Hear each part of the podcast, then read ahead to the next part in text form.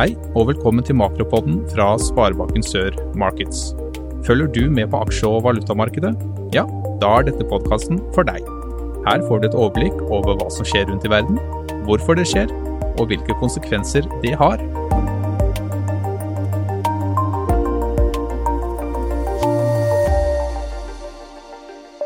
Da ønsker vi velkommen til en ny eh, makropod fra Sparebanken Sør Markets. I dag så skal vi eh, snakke litt om eh, hva som skjer rundt om i verden. Gjør den smitteoppblomstringen som vi nå ser, ikke minst i Europa, at veksten blir redusert? Eh, inflasjon det er nå blitt et kjerneord de neste månedene. Hvordan vil det påvirke veksten? Så skal vi også se på andre viktige nyheter nå ved inngangen til november 2021. Og så vender vi blikket hjem til Norge, og hvordan står det til i Norge? Hva er viktigst her? Hvordan er de økonomiske utsiktene framover? Hva skjer i oljemarkedet, hva skjer i valutamarkedet, og hva skjer i rentemarkedet? Men la oss, eh, som vi pleier, starte med USA. Det er fortsatt usikkerhet om eh, demokratenes langtidsbudsjett på formidable 3500 milliarder dollar, altså ca. 31 000 milliarder norske kroner, som skal finansiere klimatiltak, som skal finansiere helsevesen, og som skal føre til at eh, skattene skal bli hevet for USAs rikeste. Det er fortsatt eh, usikkerhet om det blir vedtatt. Det som det nå ser ut til, det er at det går mot et kompromiss på ca. 2000 milliarder dollar, kanskje litt i overkant av det. Når vi også ser på USA, så ser vi at det er fortsatt høy inflasjon. Så håper den amerikanske sentralbanken Fed på at det skal være midlertidig, men det er det store spørsmålet. Vil han være forbigående, eller vil han henge igjen lenge? Ordinær inflasjon i USA i oktober var hele 6,1% mens kårinflasjonen var på 3,6% Altså Kårinflasjon er jo da kjerneinflasjon, som da er justert for avgifter og slike ting. Fortsatt så ønsker amerikanske amerikansk sentralbanken å holde renten uendret så langt som mulig utover i 2022, men eh, det vil bli sterkt vurdert allerede nå på novembermøtet om man reduserer kjøpene av verdipapirer betraktelig. Vi tror nok at eh, de kommer til å redusere det allerede nå fra november-desember, noe som kan bidra til høyere lange renter i USA, og som også kan bidra til noe høyere lange renter her hjemme. Ellers i markedet er det fortsatt stor usikkerhet om China Evergrande, om selskapet i det hele tatt overlever. Og Dette fører til at eiendomsmarkedet i Kina faller, og at det faktisk sågar også innføres eiendomsskatt i Kina. Alt dette fører til lavere vekstutsikter i Asia, og spesielt i Kina. Så ser vi at det er veldig mye smitte i Mellom-Europa, ikke minst i Baltikum. Latvia innfører omfattende begrensninger. Og så er det store flaskehalser rundt forbi. Ikke minst på, eh, er det stor mangel på containere. Det eh, sies at det er ekstremt mye containere som, som, er om bord på skipene, som ligger og venter på å bli eh, lossa eh, i den store containerhavna i California, blant annet. Storbritannia frykter inflasjonsoppblomstring. Og Dermed så ser vi at det er ganske kraftig økning i swap-rentene, og det blir forventninger eh, de siste ukene nå om snarlig renteøkning i Storbritannia. Hva skjer så i eh, Norge? Eh, vaksinesituasjonen her hjemme er jo stadig bedre. Nå er over 90 over 18 år har fått eh, minimum én dose, og 86,5% er fullvaksinerte. Men så ser vi allikevel at smittetallene blir stadig høyere. Vi ser også at eh, sykehusinnleggelsene blir høyere, og det gjør at bl.a. Tromsø nå innfører visse restriksjoner. Jeg tror nok det vil være henge langt inne for uh, regjeringa å gå til drastiske tiltak og innstramminger, men det skal være det er en usikkerhetsfaktor i den økonomiske utviklinga framover nå gjennom vinteren, hva som også skjer på selve smittebiten. For aktiviteten i økonomien den øker fint, og den forventes også å øke ytterligere i ukene og månedene framover. Høye olje- og gasspriser gjør at eh, inntektene til AS Norge vokser. Så er jo da høye strømpriser, økte bensin- og dieselpriser og høye renter, det vil jo på den andre sida være dempende på det øvrige private forbruket. Men la oss se på eh, Norge som sådan. Vi ser sterk vekst i bruttonasjonalprodukt, altså verdiskapninga i Norge. Vi ser at arbeidsledigheten faller stadig. Ligger nå på ca. 2,5% ned 0,1% fra september. Og det er ca. 114 000 som nå er helt eller delvis ledige og på tiltak. Før pandemien så var vi nede på 2,2, så nå er vi 0,3% ifra det nivået som vi hadde i eh, februar-mars 2020. Og arbeidsledigheten ventes å falle ned til dette nivået i ukene og månedene framover. Det som vi også ser, er at antall nye ledige stillinger er på et rekordhøyt nivå. Og vi ser nok at eh, først og fremst arbeidsinnvandringa er mye lavere. Og den har vært eh, lav både som følge av innreiseproblemer i forhold til korona, men også det for, eh, faktum at lønnsøkningene i flere år nå har vært på rundt 10% i flere land i Baltikum-området. Og Det gjør at det, det blir mange ubesatte stillinger innen bygg og anlegg, innen jordbruk, innen turisme og innen helsepersonell. Så eh, det blir spennende om hvordan dette slår ut, for vi ser at eh, det er høyere kapasitetsutnyttelse, det er økte råvarepriser. Vi ser faktisk på enkelte at det er opptil 70% økning, og dette vil antageligvis føre til bl.a. høyere matvarepriser i månedene framover. Og Når vi da ser at det blir knapphet på kvalifisert personell, så ser vi også at dette kan føre til lønnspress, og det kan også føre til økt lønnsvekst.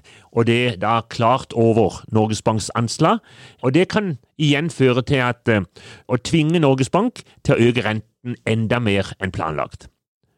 Og det ser vi også eh, gjenspeila i eh, det regionale nettverket, som melder om økende presstendenser Knapphet på personell, knapphet på råvarer, økt lønnspress og økte investeringer. Sånn at det, det er presstendenser i norsk økonomi allerede. Hvis vi ser på oljemarkedet, så har vi en oljepris i øyeblikket på 4-85 dollar. Fortsatt så holdes prisen oppe på knapphet på energi, knapphet på olje, gass og strøm. Og så er det i tillegg forhåpninger, som eh, dere også har hørt før, om økt pengetrykking i USA og forventninger til høy aktivitet i verdensøkonomien i månedene framover. Det at oljeprisen ligger på dette nivået er jo særdeles godt nytt for Norges handelsbalanse, og det gir oss veldig store ekstrainntekter fra olje og gass. Valutamarkedet, og hvis vi først kanskje ser litt kjapt på aksjemarkedet, så ligger vi og, eh, i eh, Oslo børsindeksen på ca. 1200 for tida. Litt fram og litt tilbake. Og I valutamarkedet eh, så har vi sett at norske kroner har styrka seg en god del de siste tre-fire ukene, både mot eh, euro og mot dollar. Bakgrunnen for det er nok først og fremst renteøkninger fra Norges Bank. Dermed så blir det økt rentedifferanse til utlandet. Og så har vi sett eh, høyere olje- og gasspriser. Og så har det også vært relativt rolig og positivt på amerikanske børser. Men det faktum at oljeselskapene må kjøpe norske kroner for å betale skatt etter regelendringer fra eh, regjeringa, eh, kan jo også drive det fortsatt sterkere. Men nå ser, det, eh, ser vi også at nå er man ferdig fra myndighetene med å, å dekke det meste av koronautleggene, sånn at nå vil det faktum at Norges Bank må kjøpe olje for å kjøpe norske kroner for å dekke disse utleggene, det gjør da at eh, den kjøpsinteressen for norske kroner den vil eh, bli mye mindre. Eh, og Derfor så meldte Norges Bank nå sist fredag at de kommer til å kjøpe betydelig mindre norske kroner allerede nå fra november. Og det vil jo ha en effekt at, at det kan kanskje uh, gjøre at eh, krona ikke går så veldig mye sterkere enn dette nivået framover mot jul.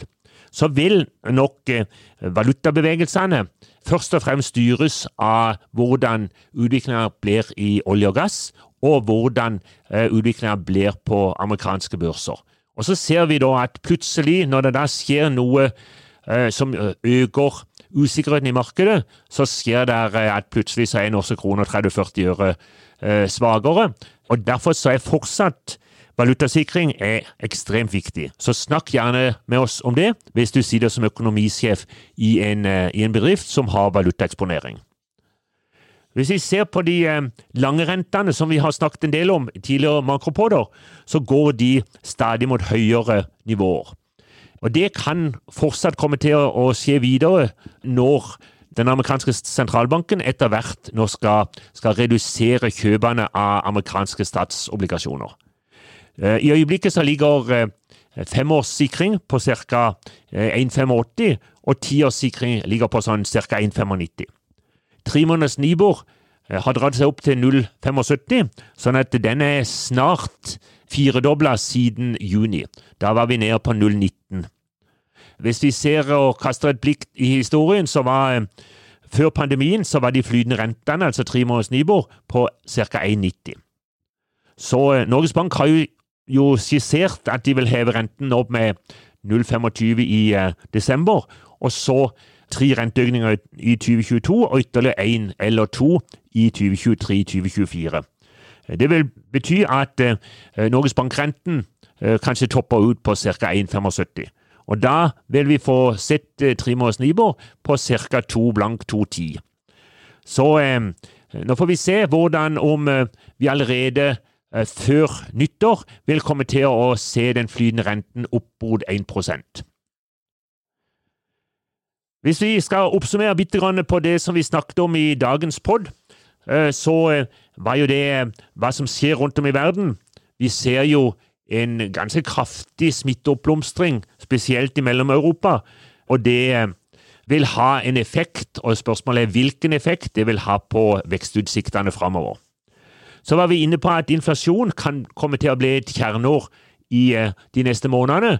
Eh, mange sentralbanker er redd for at inflasjon inflasjonen skal eh, spise seg fast i økonomien, og derfor så har de en veldig fokus på inflasjon i øyeblikket, og om de da må møte inflasjonen med renteøkninger.